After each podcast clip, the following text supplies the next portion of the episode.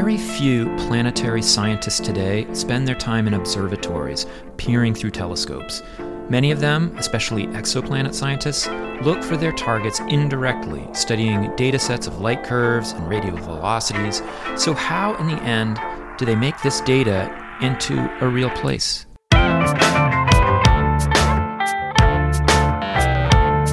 It's time to eat the dogs.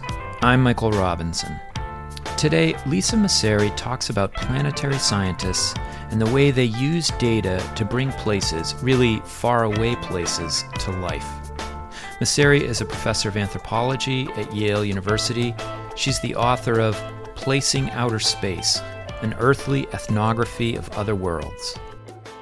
Lisa Messeri, thank you so much for talking with me. My pleasure.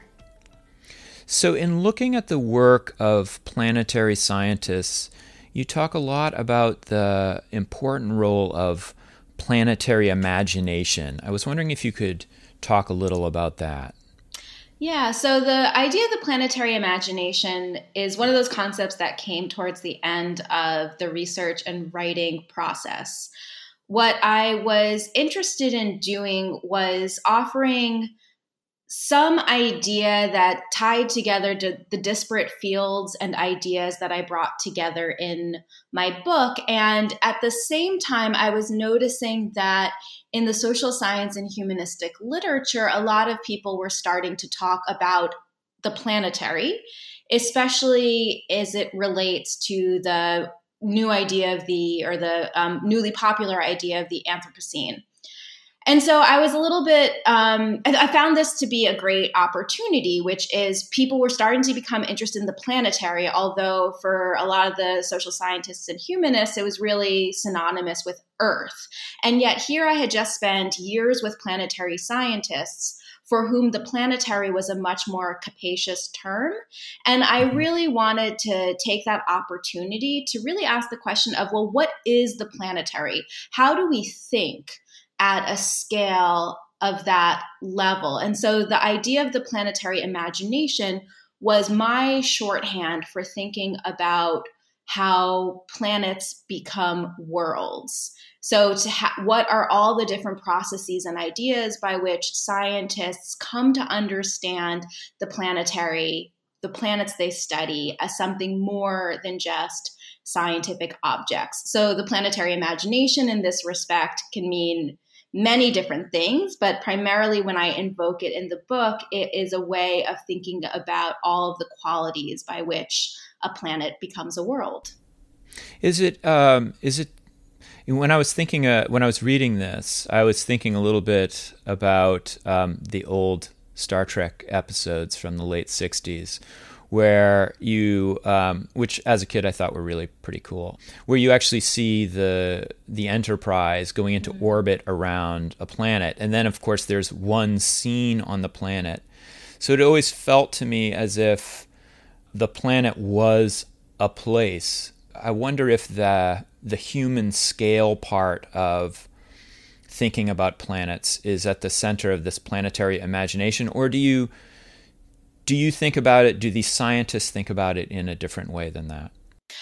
Yeah, the Star Trek example is a really important one. Um, I mean, it's obviously a touchstone for the community. It's also a touchstone just for our broader cultural imagination of outer space. And all the planets that were visited in Star Trek were exoplanets, um, which yeah, now right. are recent discoveries, but now are quite popular.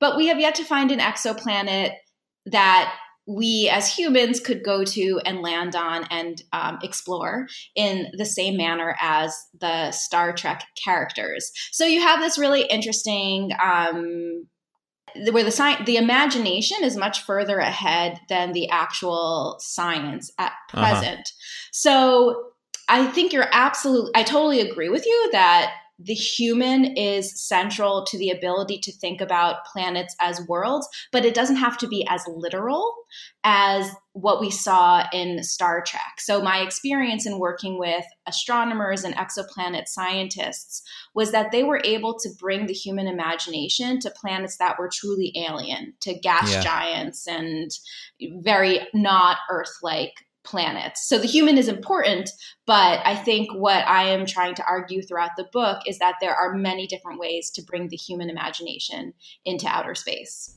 Yeah, I, I I'm really interested actually in the material you write about exoplanets. But before I um, ask you those questions, I did I, I know that you spent time also looking at our own planets, or particularly the uh, the Mars Desert Research Station in Utah, which I guess is a a desert analog for mm-hmm. Mars mission. I was wondering if you could talk a little bit about your field work there, what what you were trying to do. Yeah, so uh, a lot of my research was very serendipitous. Uh, I was mm-hmm. a graduate student when I was conducting the research for this book, and um, I had previously been an aerospace engineer. That was my undergraduate training, which meant that a lot of my friends were in the space community. And uh-huh. a lot of my field sites actually came about from just casual conversation with friends from that previous life. So in this case, I was hanging out with someone who was doing their master's in aerospace engineering in my old department. And they mentioned this Mars Desert Research Station where you go to the Utah desert and pretend for two weeks to be on an early human mission to Mars. Mm-hmm. And I was just like, well, that's great anthropology. Yeah. um, so I kind of contacted them and got on board. And, you know, this was a site that was actually really challenging to write about. Um, mm. As an anthropologist of science, I have no intention of quote taking down science or being disrespectful to the people who let me into their research communities by yeah. you know undermining them or tearing them apart and this was a site in which in all honesty i was deeply uncomfortable about i went huh, with a group yeah. of nasa scientists um, whom are who are all wonderful and who i really enjoyed spending time with and learned a lot from and yet i had a hard time finding the science at this mm-hmm. site in a way that I was accustomed to and used to writing about. So, if all of a sudden here I was an anthropologist of science at a site in which science wasn't actually the primary purpose, what was I doing there, and how was and, and how I, ought I most productively write about the space while still honoring the intention of the people that I was with? And so, and what this, was the primary purpose of the experiment? So, again, that's a real confusing question. The stated intention was to test, um, to do some preliminary field work to find sites near the Mars Desert Research Station, which, as you said, is an analog, meaning a place on Earth that has been collectively decided to be similar to some of the conditions one might encounter on Mars. Uh huh and in the future to return again and test a prototype of a drill that might one day be sent on a future Mars mission. Mm-hmm. So, a lot of what we did was simply driving around, looking at different sites, and considering the soil composition. And this, I mean, for many reasons, this was fascinating because I had never actually been on geology fieldwork before. So I learned a ton about what it might be like to be on a geology mission. But I was on this geology mission with people who, with one exception, weren't geologists and were themselves kind of learning and playing geologists. So there was a lot yeah. of analog thinking kind of on all of our on all of our parts. So if that science mission wasn't maybe crucial, you didn't have to be at this analog site in order to do the tasks. That raises the question of what was the point? Yeah. And I was there with people who were deeply passionate about human exploration and human sending human missions to Mars. These were people, at least the main woman I was with, Carol Stoker, was someone who since the 80s was part of kind of these grassroots roots efforts to keep the public excited and interested in sending ever sophisticated missions to Mars such that one day humans might be on those missions. Uh. So, all of this, in many ways, was a way of connecting with this deep passion of human exploration of Mars that even though these many of these scientists and engineers worked at NASA on the day to day you often lose sight of.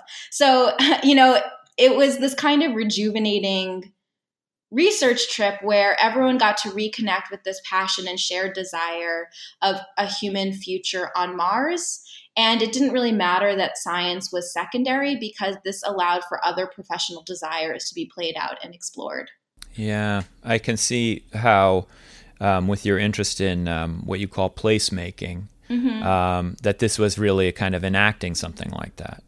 Yeah, I mean, that's what all of these, um, what the reason analog missions and I and places on Earth have always excited me is just this statement that we can go somewhere on Earth and be somewhere else. That's phenomenal and a puzzle that is at the central uh, is at the center of this project and a lot of what I write about.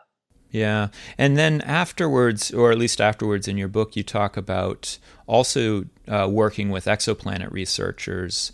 Specifically, you worked in Sarah Seager's, uh, mm-hmm. with Sarah Seager's team. Am I uh, pronouncing her name correctly? Yes, that's correct.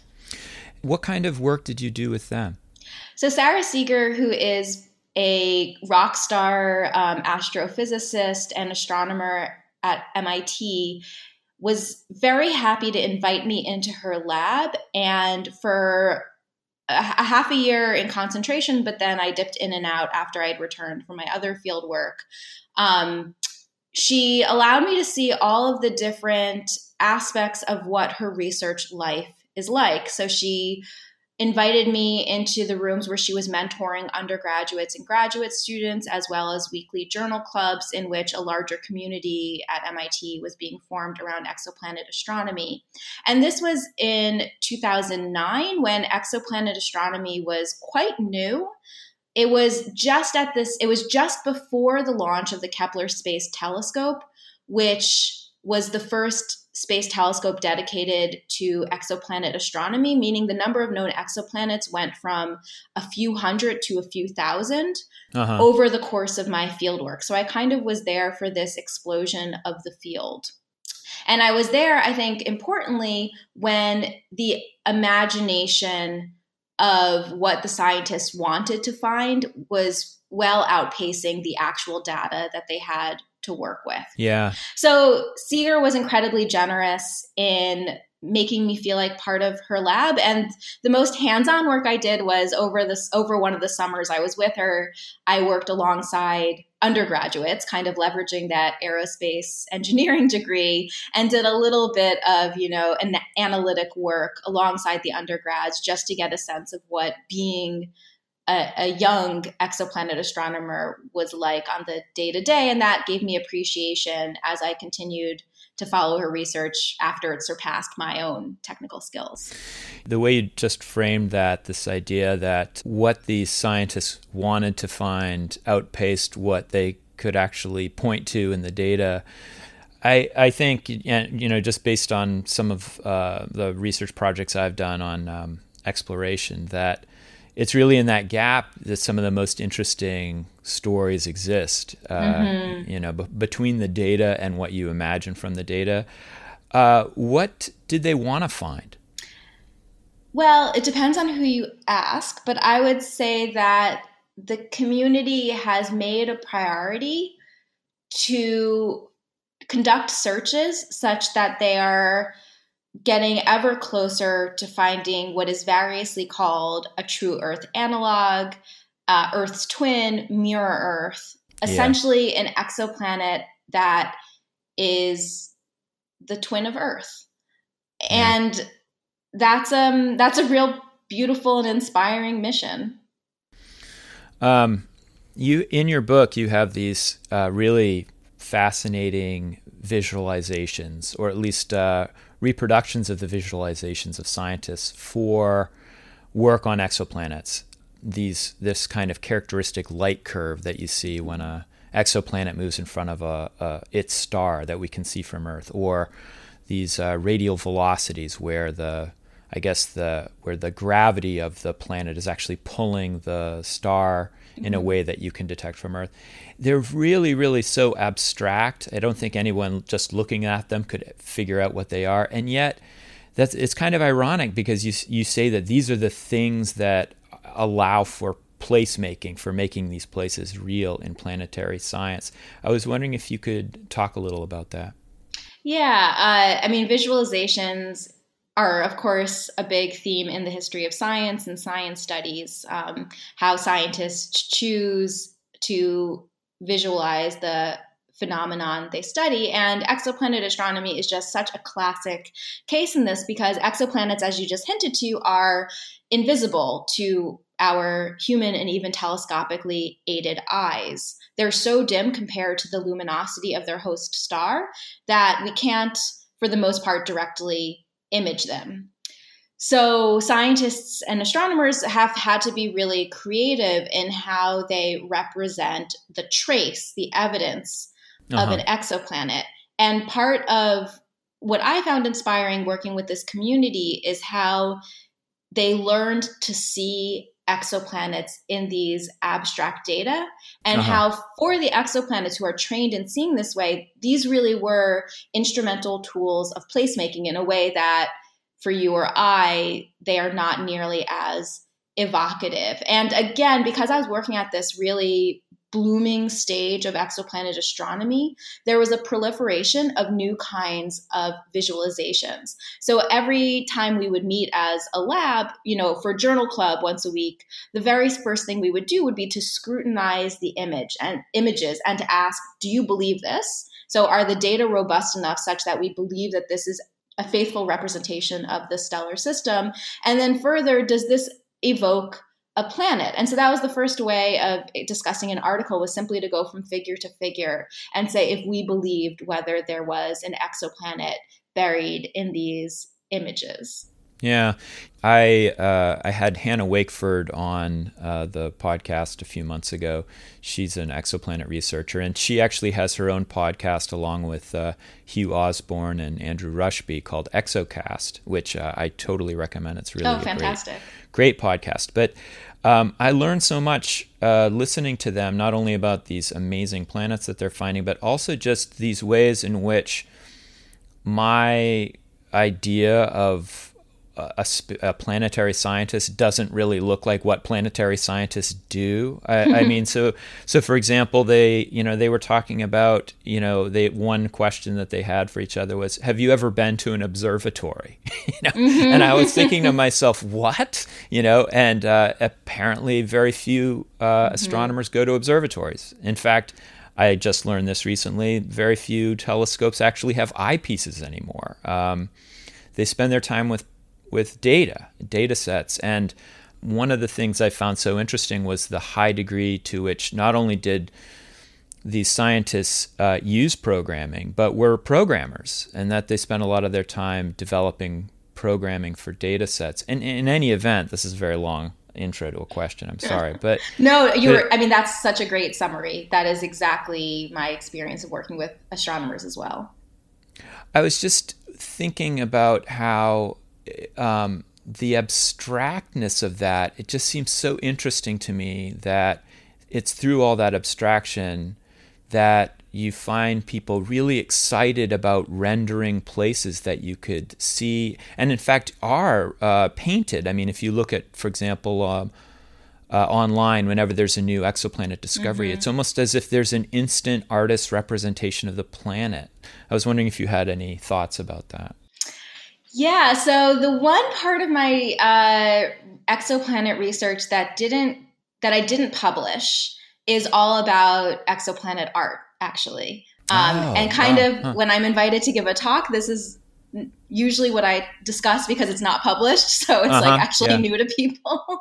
um, yeah, so uh, originally I had wanted to write more extensively about astro- astronomical art and exoplanet art. And in doing so, I met an astronomical artist, Lynette Cook, who in 2010 was still very involved in depicting exoplanets. And in fact, she had been one of the first artists to depict exoplanets and um, was working in San Francisco. And so for the San Francisco Science Center was approached by Frank Drake and actually produced some of the first visualizations of 51 Pegasi b, which was the first exoplanet discovered um, by a European team, and then also uh-huh. did the representations of a lot of the early exoplanets discovered by the American team that was kind of rivaling rivaling the the the European team in this very fun race in the in the late 90s.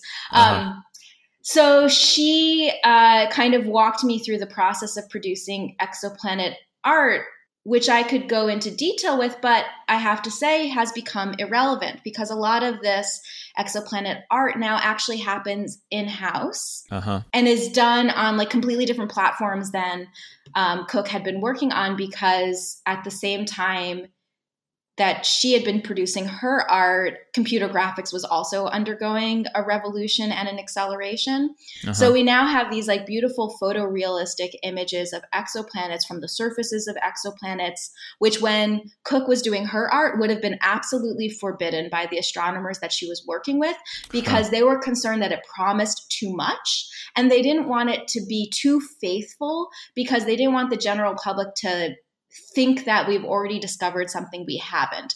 So, I what I found so interesting is when I was talking with her in like 2009, 2010, she was very thoughtful about the conservativeness of exoplanet art. And that was also reflected when I spoke with scientists about the kind of images they liked or didn't like that they saw that were being publicly circulated.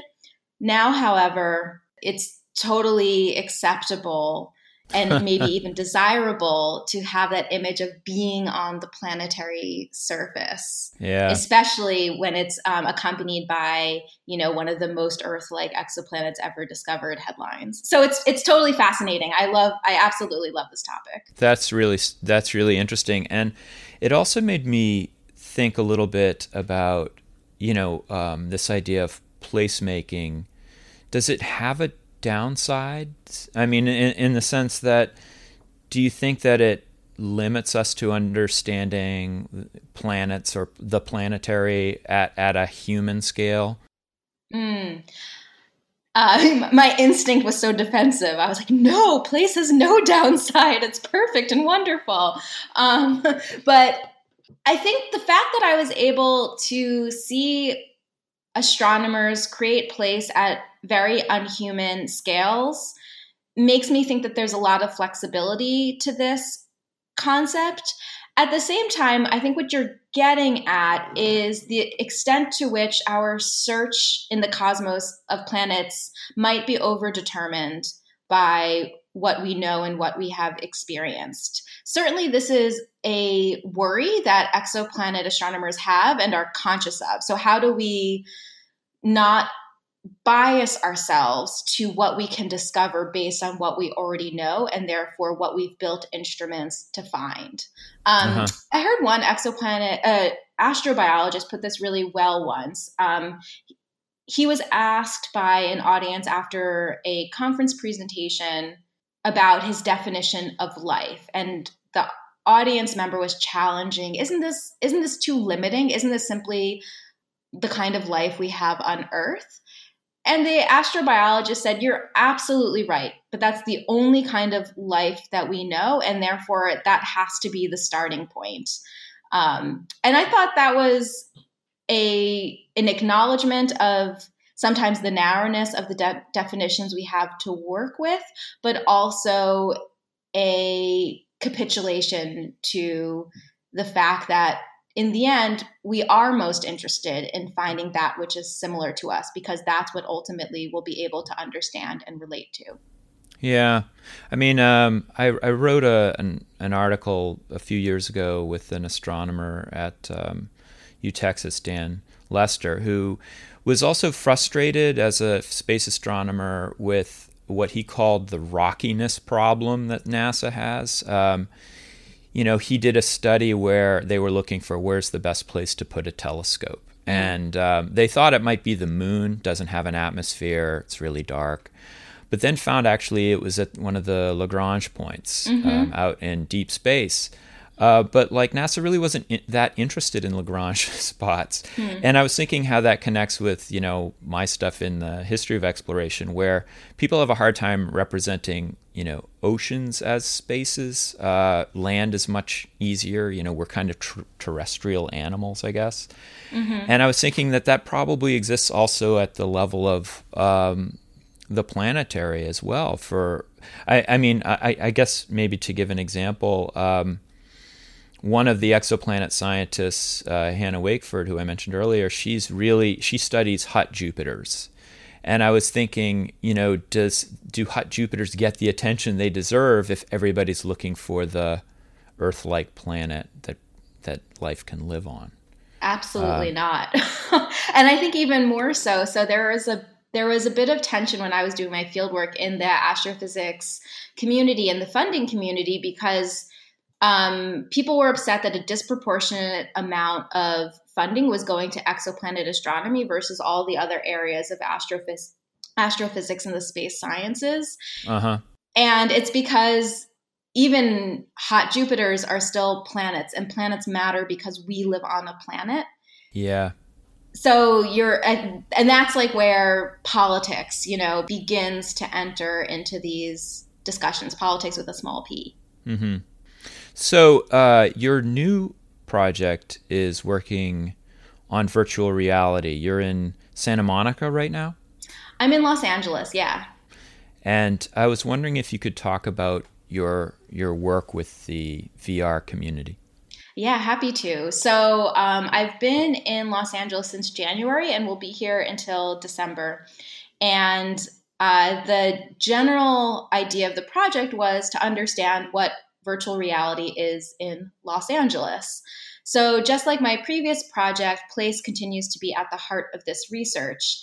And as I and the first question, the first thing that brought me to virtual reality was I was looking for a science or technology that like exoplanets and planetary science, really pushes something about the scale or the materiality by which we think about place, um, which really is challenging us to rethink what it means to be somewhere. And I started hearing about VR and the people who were the boosters VR for VR kept on describing it as a technology that allows you to be somewhere else. And I was like, oh, well, mm-hmm. that's perfect.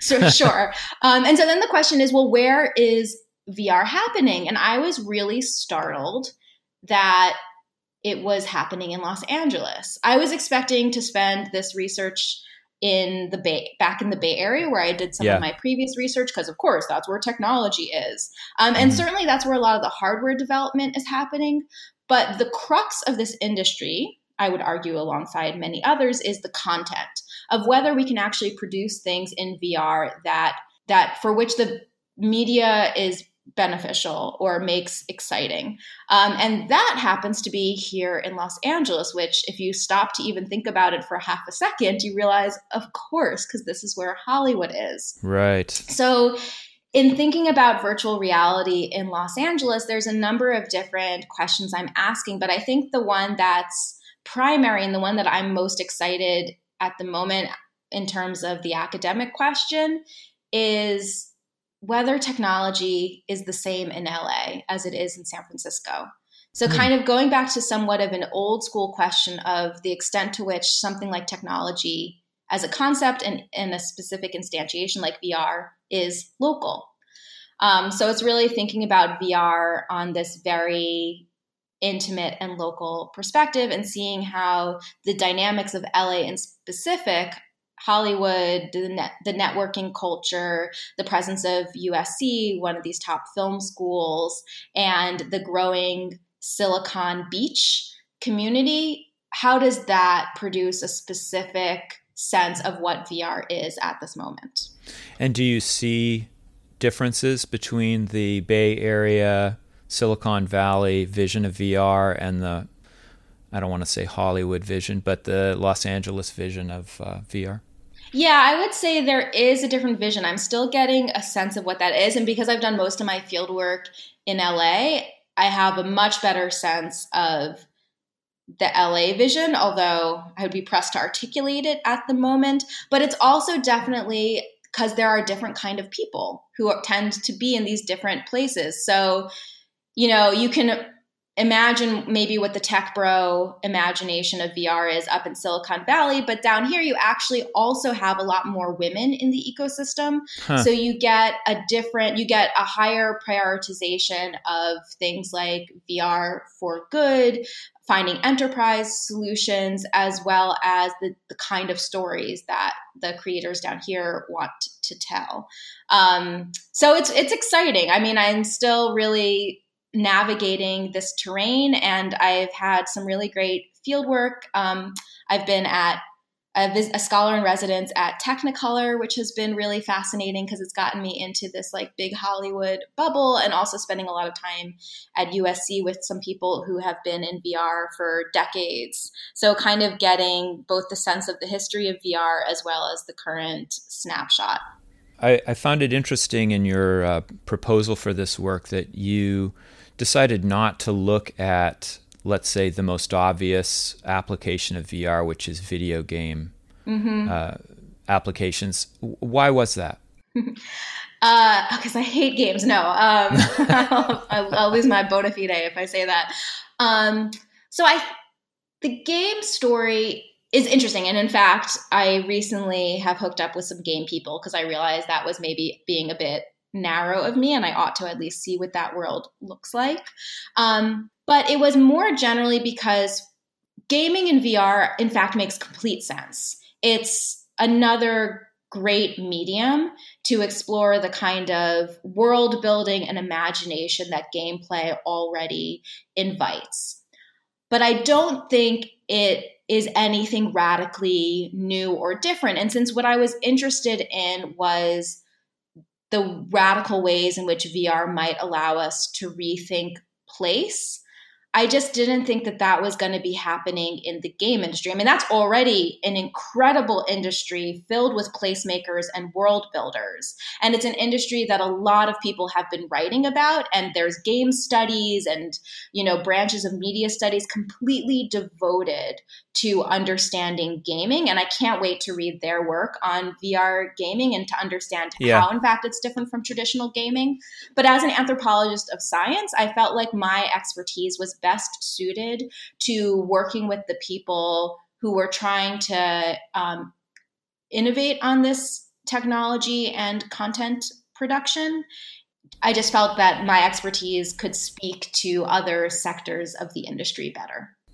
Yeah, I think one of the reasons I'm asking that is because you also have voiced in your work an interest in how how the female body is is displayed within the virtual mm-hmm. reality world, and uh, that's such a central issue within the gaming community. And also, I guess also though within entertainment, I'm thinking about all of the mm-hmm. sci-fi movies I've seen this year, like uh, like Ex Machina and Her and um, Blade Runner 2049, which it seems like there's this theme running through all of them about the kind of the role of the digital woman or the the synthetic or the cyborg woman. I, I don't know if you have any thoughts on that. Well, yeah, I mean, body representation in VR is incredibly important, and you have as many different schools of thought on it as you have people producing avatars. But I think for me, like my entry point to this is the most basic, which is in most VR experiences, you have hands.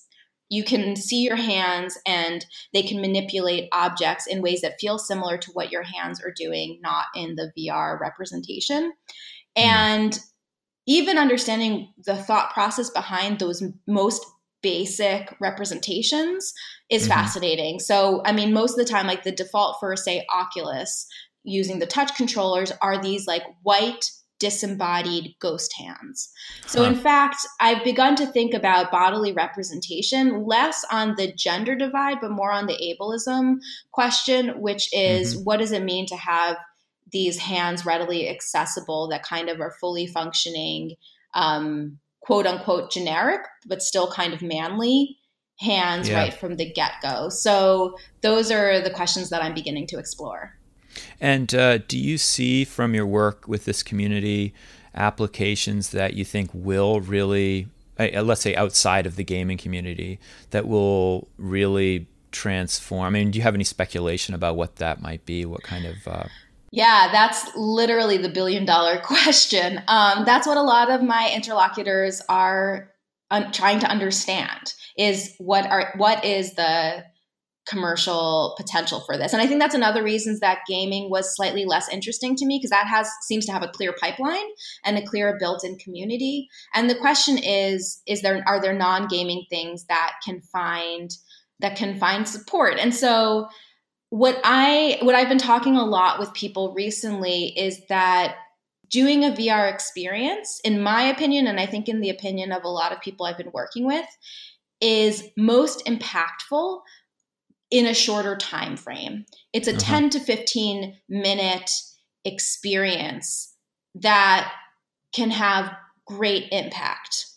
And the question is where in our lives do we do that? Like, you know, you there's models of going to the cinema, going to theme parks, but when do you have just those short bites of experience not at home or even mm-hmm. at home. And that's actually i think that's to me that's one of the challenges is this is a different kind and pace of media consumption that doesn't have a built-in pipeline. And the people that i'm working with not only are they concerned with building what's at the end of the pipeline the content but also figuring out what that pipeline is and how to build the infrastructure around it. So i think that the next success we're going to see in VR is going to be enterprise. So it's going to be companies that find either VR or AR applications that speed up training or their own internal pipelines. I think that I'm still not sure what the big public consumption of VR breakthrough is going to be. And that's really what the community is chasing at the moment. Some are chasing enterprise because there's like obvious money there. But I think those who really have the big vision of VR and the excitement about VR as this paradigm changing technology they're trying to figure out what is the game changer for popular consumption.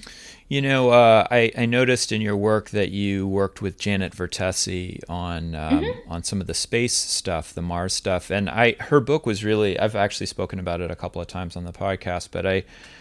I really liked her work a lot, um, and I think the most, for me, the most surprising thing about it was um, she was saying these rovers that exist on Mars are are not just avatars for human eyes and ears. They they have their own way of seeing the world. They kind of move through that world in ways that then the humans have to adapt to back home. The people driving mm-hmm. the rovers stay up late, you know, uh, to try to uh, sequence or to try to um, synchronize themselves with the the Martian day, and um, they they try to translate the way that Mar- that these rovers see for humans that can't see that way.